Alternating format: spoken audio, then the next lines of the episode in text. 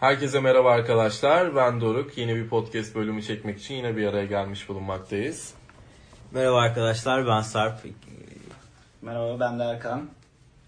Bugün aslında e, yeni bir dersten çıktık. Onun üzerine derste konuştuklarımız e, hayata bir dışa vurumu olarak Artificial Intelligence konuşmaya karar verdik. Peki bu sürekli duyduğumuz AI nedir? Nerelerde kullanılırız? Nasıl geliştirilir? Bunun bir tasarımı, yazılımı var mıdır? AI herkes yapabilir mi? Bunları aslında genel olarak bahsedeceğiz diyebilirim. Bu biraz daha şey gibi oldu. Cem Yılmaz'ın girişi gibi oldu. Bir dayak nedir? İki nasıl, Nasıl atılır? atılır? Ya Bir, da AI, AI nedir? nedir? İki nasıl yapılır? Aslında Gibi. öyle. yani. Genel olarak bütün teknolojilere baktığında hani yeni bir teknoloji çıkıyor. Öncelikle bunu anlaman lazım. İşte bu Bitcoin'lerde de gördüğümüz white paper'lar.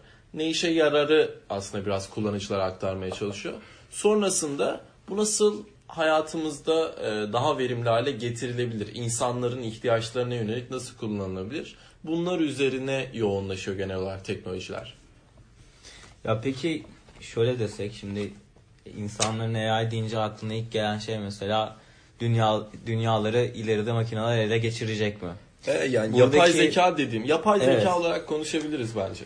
Yani buradaki aslında nereye kadar bu e, yapılan sistemler bir AI'dır? Yani son noktada kendi kendine düşünüp e, karar verebilecek bir sistem midir? Yoksa gene günün sonunda bir kişiye bağlı mıdır? Benim mesela bu kafama çok takılıyor. Aslında yapay zeka, yani zekayı düşündüğümüzde dünyaya varoluşundan beri e, süre gelen bir beyin, bir zeka var. Ama bu yaşadığın her saniye etraftan öğrendiğin, arkadaşlarından, ailenden, e, yakın çevrenden öğrendiğin her şey senin zekana bir birim katkıda bulunuyor. Ve bu zekayı ileride daha fazla farklı yönlere e, doğru kullanabiliyorsun. Bu yapay zeka da aynı şekilde sıfır bir beyin olarak sen etrafından veri olarak ne veriyorsan, neye programlıyorsan o şekilde ilerleyebiliyor. Chatbotlar da böyle. E, son kullanıcıya anında programlayabileceğin chatbotlar var. Messenger botlar da var. Sıfırdan başlıyor. Sen merhaba yazdığında merhaba yazmasını istiyorsun. Bir birim bilgi. Nasılsın yazdığında iyiyim yazmasını istiyorsun. İkinci bilgi. Ne kadar çok içeri bilgi aktarırsan o, o kadar çok da e, dışa bilgi sağlıyor aslında. Ya yapay zekayı aslında bir çocuk olarak görebiliriz. Bir bebek olarak görebiliriz yani. Bir bebek dünyaya geldiği zaman sıfır bilgiye sahip. Hiçbir şey bilmiyor. Ama ne oluyor? Zamanla birlikte e, bilgiler yükleniyor. Yemek nasıl yenilir? Bunun bilgisi yükleniyor. Tuvalet nasıl yapılır? Bunun bilgisi yükleniyor. Ve artık çocuk kendi yemeğini kendi yiyebilir. Kendi tuvaletini kendisi yapabilir bir hale dönüşüyor. Aslında yapay zekanın ana temel kuruluş yolu buradan geçiyor. geçmişine baktığımızda da zaten mesela e, ne örneğini verebiliriz? Yandex'in haritalar örneğini verebiliriz burada. Adamlar yapay zekayı kullanaraktan size gitmek istediğiniz yola en kısa yoldan nasıl giderir nasıl gideriz sorusunun cevabını arıyorlar. Ve burada karşılaşılan bir örnekte hatta bu örnek Türkiye'den bir örnek. E, işte bir bakıyorlar adam şuradan şuraya nasıl gidebilirim diyor ve çıkan en kısa yolda bir olmayan yol var. Yandex seni oradan götürüyor. Ve bir bakıyorlar ki aslında insanlar orada genellikle tam bir petrol ofisi var. Ve petrol ofisinin oradan geçerken kimse normal yolu tercih etmeyip petrol ofisinin içerisinden geçmeyi tercih ediyor. E zamanla ne oluyor? Makine bunu öğreniyor, öğreniyor, öğreniyor ve diyor ki ve insanlar burayı tercih ediyorsa diyor burası bir yoldur diyor ve sana artık bu yol üzerinden gitmeni tavsiye etmeye başlıyor. Peki bu bilgi nasıl aktarılıyor? Herkesin cihazı var. Cep telefonunda da GPS'lerimiz, konum servislerimiz açık. Her seferinde o geçtiğin yol GPS'e bir veri merkezine gönderiliyor. Ve bu sayı arttıkça da e, diğer yol daha az baskın bir şekilde kaldığı için makine bunu öğreniyor. Akıllı sistemler bunu öğreniyor ve doğru yolun o olduğunu sana göstermeye başlıyor. Bu trafik e, yine mobil uygulamalarda GPS Harita servislerinde aynı şekilde geçerli. Hangi saatler arasında trafik olup olmayacağını gösteriyor. Örneğin ben bugün ofisten çıkmadan okula e, gitmek için işte arabamla nasıl gidebilirim diye e, bir ufak bir analiz yapmak istedim. Ama 3 saat sonra çıkacaktım halbuki. Şu an çıktığım zamandaki trafikle 3 saat sonra sonra çıkacağım trafiği aslında bana e, sunabiliyor ve bu da bir akıllı sistem, bu da bir öğrenilmiş yapay zeka aslında. Yani orada peki şey mi mesela hani Erkan bahsetti ya bunu bir çocuk olarak düşünürsek aslında yaşadığı süre boyunca belli kuralları görüp öğrenip ondan sonra onlardan çıkarım yapacak. Yani siz buna satır satır bu kuralların her birinin bir satır olduğunu düşünürsek aslında öğretmek istediğiniz alanla ilgili dünyada olan her şeyi satır satır kuralla yaz, yazdıktan sonra aslında o kodu çalıştırmaya bakıyor. Aslında öğrenmenin de bir kuralı var yani her seferinde bilgi yüklemene gerek yok. Ee, bu bizim az önce konuştuğumuz WhatsApp muhabbeti vardı. Bir şirket e, geçenlerde okuduğum kadarıyla WhatsApp üzerinden işte online support desteği vermek için bir çalışma başlatmışlar. Bunu sen anlat istersen. Sen, senin yaşadığın bir örnek. Ee, şöyle bir şey. Şimdi biliyoruz ki çok yakın bir geleceğe kadar WhatsApp'ın Business API yoktu. Hatta şu an Türkiye'de halen yok. E, yurt dışında başladılar Business API'ni açmaya ama e, Türkiye'de şöyle bir örnekle karşılaştık. E, WhatsApp'la kullanıcı arasında bir arayüz yapıyorlar. Bir program yazıyorlar. Bununla beraber tek bir numara üzerinden aynı anda birden fazla agent yani kişi, e, canlı kişi yazışmaya başlıyor. Tabii ki bu numara tek bir kişi özelinde alındığı için WhatsApp tarafında aslında o kişinin e, belli başlı yazma kuralları var. Belli başlı kişi, kişisel özellikleri var o yazım şekillerinde. WhatsApp bunu öğreniyor. Dediği gibi yani Doruk'un aslında bir data belli bir kural koymasına gerek yok en başından. Sizi analiz ediyor, öğreniyor nasıl bir insan olduğunuzu, nasıl yazacağınızı, o virgülü veya noktayı ne zaman koyup koymayacağınızı öğrenip eğer aynı anda birden fazla farklı kişi yazıyorsa mesela şey yapıyor. Ha bu insan normalde bunu bu şekilde yazmıyor veya normalde bunu buraya koymuyor deyip aslında sizi blokluyor. Aslında bu da fraud'un önüne geçmiş oluyor WhatsApp tarafında. Programlar da bizim yaz, yazış şeklimizden tutun da gün içerisinde e, ne kadar şirkette kalıyorsun, hangi saatler arası öğlen yemeğine çıkıyorsun. Bu gibi programlardan biri benim cep telefonumda mevcut. Aylık olarak nerede ne kadar saat harcadığımı bana gösteriyor. Çok basit bir şekilde ben sonraki ay hangi gün e, örneğin her perşembe günü Avrupa yakasında Levent'te bir toplantıya gidiyorsam bana hatırlatmaya başlayabiliyor. E, hiçbir şekilde notification girmedim, hiçbir şekilde eventimi set etmedim e, calendar'ım üzerine. Çünkü düzenli öğrenilmiş bir davranış söz konusu. Yapay zekada zaten öğrenme kümesi dediğimiz kısım özellikle data tarafı için bahsediyorum. Öğren, öğrenme kümesi dediğimiz zaman e, buradaki öğrenilecek data. Zaten biz sürekli olarak her yere datayı bırakıyoruz. Oraya bırakıyoruz. Telefon üzerinden bırakıyoruz. İşte e, otobüse bindiğin zaman akbil basıyorsun, datayı bırakıyorsun aslında. Bir yere gideceğini belirtiyorsun. Ondan sonra e, gördüğümüz billboardlar bile hepsi bir data. Ve buradan toplanan data üzerinden de bir çıkarım sağlanıyor. Buna mesela en güzel örneklerden birisidir de Google'ın yarattığı e, Artificial Intelligence ile bir bot vardı ve bu bot sayesinde AlphaGo'nun dünyadaki lideri olarak görülen kişiyi yenebilmişti. Ne oluyor? Öncelikle ilk yaratılan bu bot birden fazla AlphaGo oyuncusuyla oynanıyor, oynuyor, yeniliyor, yeniliyor. AlphaGo ne istersen bundan bahset ben de bilmiyorum. Ya AlphaGo aslında bir oyun, yani ben de hiç oynamadım ama globalde oynanılan bir oyun. Bu şey gibi mi? Japonların taş oyunu, oyunu mu? Siyah ve beyaz siyah ve beyaz taşlar var. Bir, bir satranç bir iç, bir iç, bir iç benzeri bir oyun. Ee, ama tam olarak ben de oyunun detayını bilmiyorum. Ee, sürekli olarak makine oynuyor karşı Benim aklıma da şey geldi bilgisayar mühendisliğinde öğretilen Turing testi vardı ya. Hmm. Karşılıklı filmi de var hatta. Robot olup olmadığını anlayamadım. Evet yani bu aşıldığı zaman belki de hani yapay zeka ilerleyecek diye geçtiğimiz birkaç yıl içerisinde de bu aşıldı. Zaman yani makinesi olarak bir... bilgisayarların karar verip vermeme durumu söz konusu. Bununla hatta Turing dedin aklıma geldi. Ee, kültür olması açısından arkadaşlara ilgi çekebileceği açısından bununla ilgili çok güzel de bir film var aslında. E, Turing testi üzerine kurulu. Ex Machina. Ex Machina evet. Arkadaşlar onu izleyebilir mesela. Çok ilgi çekici bir film. Evet, Ex Machine'de de vardı. Ee, orada da yarattıkları bu AlphaGo botu zamanla öğrendiği ve yaptığı yarışmalardan dolayı artık kendisinde bir arka tarafta öğrenme oluşuyor. Aslında siz bunu oturup şöyle bir satranç programı gibi bir şey yazabilirsiniz. Nasıldır? İşte bütün hamleler bellidir. Şu hamleyi yaparsa bunu yap. Siz bir rule oluşturabilirsiniz ama Artificial Intelligence dediğimiz yapay zekadaki asıl amaç makinenin bunu öğrenmesini sağlamak. Makine bunu öğrendiği zaman e, şey yapmıyor. Bir insan gibi düşünmeye başlıyor ve insan gibi düşündüğü zaman da e, artık karşı tarafın hareketlerini ve onun yapabilecekleri tahminlemelere göre kendisinden bir çıkarımlar oluşturuyor. Başlangıçta yeniliyor. Yeniliyor, yenildikçe öğreniyor. İnsanlar da öyledir. Sen en başlangıçta satranç oynamayı bilmezsin. Bir film nasıl hareket edeceğini bilmezsin. Ama karşı tarafındakiyle önce oynarsın, yenilirsin, yenilirsin, yenilirsin. Her yenildiğinde kendince bir hamle yaratırsın. Ve bu hamleler zamanla biriktiği zaman da karşı tarafı yenebilir bir pozisyona gelirsin. Makine aslında bu öğrenmeyi çok çok çok daha hızlı bir şekilde gerçekleştiriyor ve karşısındakini çok daha hızlı bir şekilde yenebiliyor. Aynı zamanda bir de e, Facebook'un bir örneği vardı.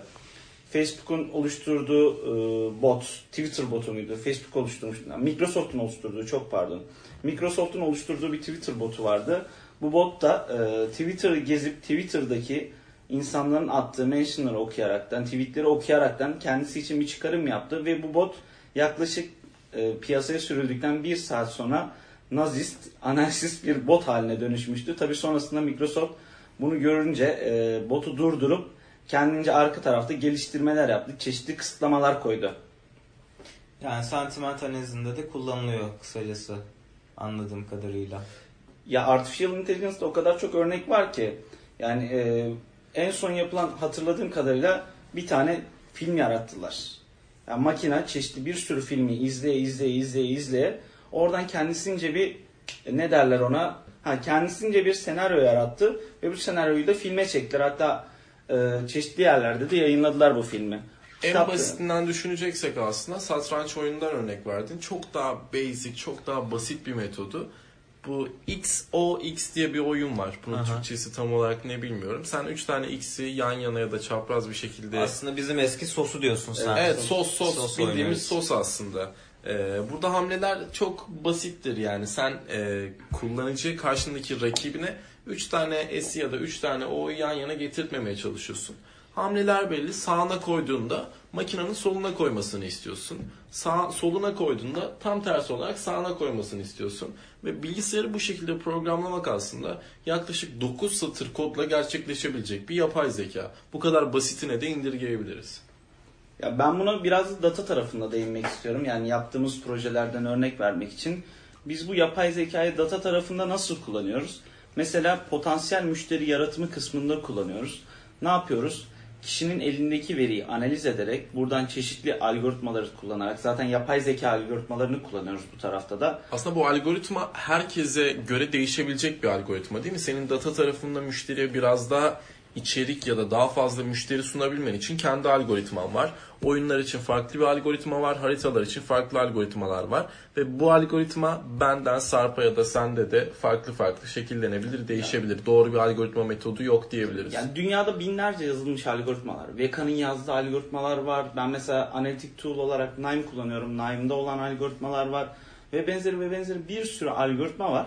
Ve burada e, kişinin elindeki müşterilerin analiz etmesinde büyük yardımcılıkları dokunuyor. Bunun içinde çeşitli analitik tool'lar da kullanılıyor hatta. Ne yapıyoruz biz burada? Kişinin elindeki müşterileri alıp bunları bir analiz gerçekleştiriyoruz. Aslında en basit örnekle şöyle verebiliriz. Siz şirkete bir tane stajyer alıyorsunuz. Ve şirkete diyorsunuz ki bak sen bizim yaptığımız işi görüyorsun. Web sitemizde bak biz neler yapıyoruz bunları incele. Ve bizim potansiyel müşterimiz olabilecek kişileri bize bul. Sonra kişi ne yapıyor? Stajyer. Gidiyor önce web sitesinde ne yaptığımıza bakıyor. İşte atıyorum eee, ne olsun sen bir filo kiralama firmasısın. Öncesinde anlatıyorsunuzdur ya şirketin ne iş yaptığını stajyere. Ya tabii anlatıyorsun ama bunu makineye bağlayabilmek için böyle diyorum özellikle.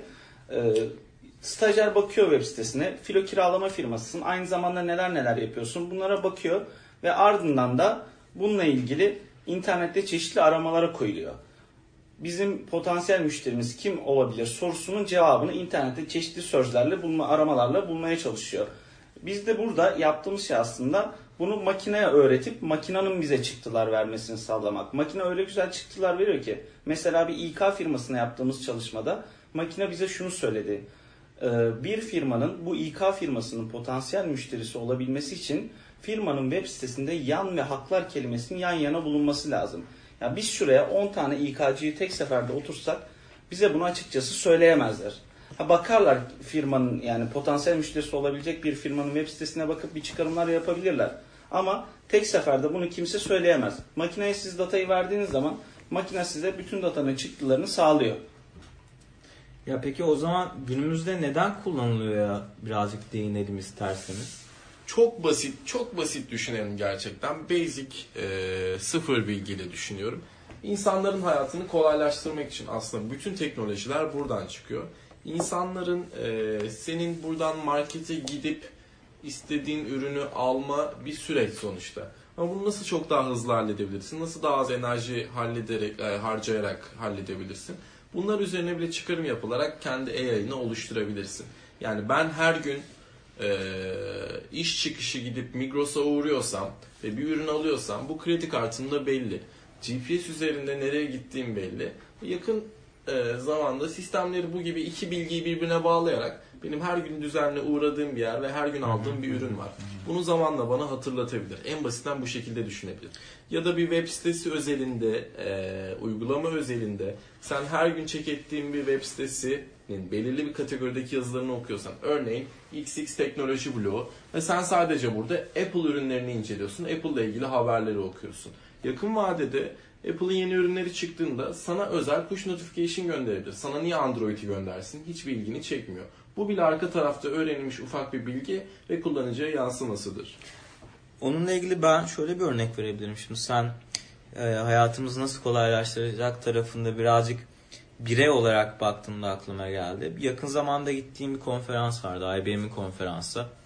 E, blockchain, AR, VR üzerine bir konferansı. Orada bir tane case study'lerden e, çok güzel bir örnek vardı. Hopi. Mesela Hopi ilk çıktığında bir uygulama olarak da yapılmıştı ve orada bir kadın hayatını anlatıyordu aslında. Gene bir ma beyaz yakalı bir kadın. Ee, dediğin gibi işte yaptığı her şey belli. Ne zaman alışveriş yaptığı, ne zaman nerede olduğu, ne kadar süre geçirdiği şeyler aslında big data şeklinde belli ve Hopi sana aslında kişisel bir asistan olarak yaklaşıyor. Aslında bir yapay zeka, artificial intelligence olarak yaklaşıyor ve kadına şey diyordu gösterdikleri reklam filminde. Ee, is, ismini hatırlamıyorum işte Ayşe olsun mesela. Ayşe e, en son işte dolabın için süt alışverişini bir hafta önce yaptın. Ve kadın da aslında ne kadar sürede alışveriş yaptığını biliyordu. Ve ona şey diyordu. E, dolabındaki sütün bittiğini düşünüyorum. İstersen senin için bunun siparişini verebilirim. Diye aslında çok basit bir şekilde Çok hayatını güzel, çok- kolaylaştırabileceği çok çok, güzel bir güzel bir örnekti mesela yapay zeka. Ve kadın evet hani iste diyerek belki de hani gidip işten çık markete git geri dön derken trafikte kaybedebileceği bir saat mesela hopiyet evet bunu benim için al diyerek hayatından mesela çok fazla zaman kazandı. Benim Çok ufak detaylar ama kesinlikle hayatımıza kattığı bir sürü şey var. Hatta burada Elon Musk'ın da bir sözü var yani. Ben 22 yaşında üniversite ya da liseyi yeni bitirmiş bir genç olsaydım kesinlikle yapay zeka üzerine yönlenirdim diye bir açıklaması da var. Buradan genç girişimcilere de e, ilham ve motivasyon kaynağı olsun yapay AI. zeka. Benim aklıma burada e, Siri haberi geliyor bir tane. Hatırlar mısınız bilmem işte bir tane müşteri var. Müşteriyle ilgili e, Apple'a bir şikayetten geliyor. O bir şikayet şu. Ben artık Siri'ye konuştuğum zaman Siri bana herhangi bir cevap vermiyor. Ne, ne yakın uçtuğum zaman mı? Hayır Siri ile Anlayamadım. konuştuğum zaman Ha. Siri herhangi bana bir yanıt vermiyor. E, Böyle bir problemle yola çıkıyorlar. Arka tarafta bunun araştırmasını yapıyorlar ve günün sonunda o ilgili kişinin Siri konuş Siri ile konuşurken sürekli olarak ona küfür ettiği, hakaretlerde bulunduğu ve sonrasında Siri'nin de bu duruma küstüğü anlaşılıyor ve artık bu adama cevap veremez hale geldiği Çok anlaşılıyor. güzel abi. Çok güzel. Yani Müthiş bir tamamen örnek. aslında makine bir insan olmuş ve küsme kabiliyetini edinmiş. Edindikten sonra da artık sana e, önceden söylediğin kötü sözler için bir herhangi bir cevap dönmüyor. Sana herhangi bir şeyde yardımcı olmuyor. Ya bunu çok basit bir şekilde nasıl yapıyor dersek en başa dönersek aslında Apple tarafında bunun kuralları e, belirli. Nedir işte kötü sözler şeklinde Apple kuralları yazmıştır. Her seferinde Siri bunu duyduğunda da aslında bir süre sonra ona cevap vermemeye başlamış. Ya çok basit bir şey aslında. Ama bunu bir e, makinenin yaptığını düşündüğümüzde böyle baktığımızda işe bu taraftan çok geniş bir şey. Müthiş bir şey aslında. Ya Burada da büyük teknoloji firmalarının geri kalmaması için hepsinin attığı ufak ya da e, büyük çaplı adım var yani. Bunları hayatımıza sokma noktamız aslında Apple'ın Siri teknolojisiyle gerçekleşti ve Siri geçtiğimiz 6 yıl içerisinde inanılmaz bilgiler alıyor ve her kullanıcıdan farklı datalar alıp bunu arka tarafta işleyebiliyor. Erkan'ın bahsettiği örnek çok güzel bir örnek ama Microsoft bu tarafta gerçekten başarılı olamadı. Microsoft'un e, Cortana diye sanırım bir yapay zeka kişisel asistanı vardı. Aynı şekilde Google'ın personal assistant olarak e, bir tool'u var ve gerçekten sen cep telefonuna application'ı indirdiğin andan itibaren günlük birkaç dakika konuşarak sadece birinci ayın sonunda sen senin hakkında birkaç bilgi edinmiş oluyor. E, komik videolardan hoşlanıyorsan günün istediğin saatinde sana komik videolar atabiliyor. İlgilendiğin bloglar varsa bu blogları sana otomatik olarak gönderebiliyor. Yani hayatımızda verimli bir şekilde kullanmak istersek çok güzel kendi birkaç e, karşı tarafa veri sunup bu uygulamalara birkaç verinizi girip hayatınızı çok daha kolaylaştıracak hale, çok daha hızlı ve pratik hale getirebilirsiniz. Pazarlama tarafında peki yapay zeka nasıldır diye konuşacak olursak biraz da benim aslında aklıma direkt bir şey geliyor. Yani bunu kullananlar genellikle büyük firmalar. Mesela Facebook, Instagram, Twitter gibi e, yanlışım varsa düzelt doğru lütfen. E, şöyle şeylerle karşılaşıyoruz. Normalde sen Facebook hesabını oluşturduğun zaman sen içeriye kendinle ilgili çeşitli bilgileri veriyorsun. Evli misin, bekar mısın, hakkında birkaç yazı veriyorsun. Sonrasında başlıyorsun post paylaşmaya. Resim paylaşıyorsun, post paylaşıyorsun, yazı paylaşıyorsun. Ama arka tarafta Facebook senin için çeşitli çalışmalar yapıyor. Aslında arka tarafta bir öğrenme sağlıyor. Sonrasında seni kategorize ediyor.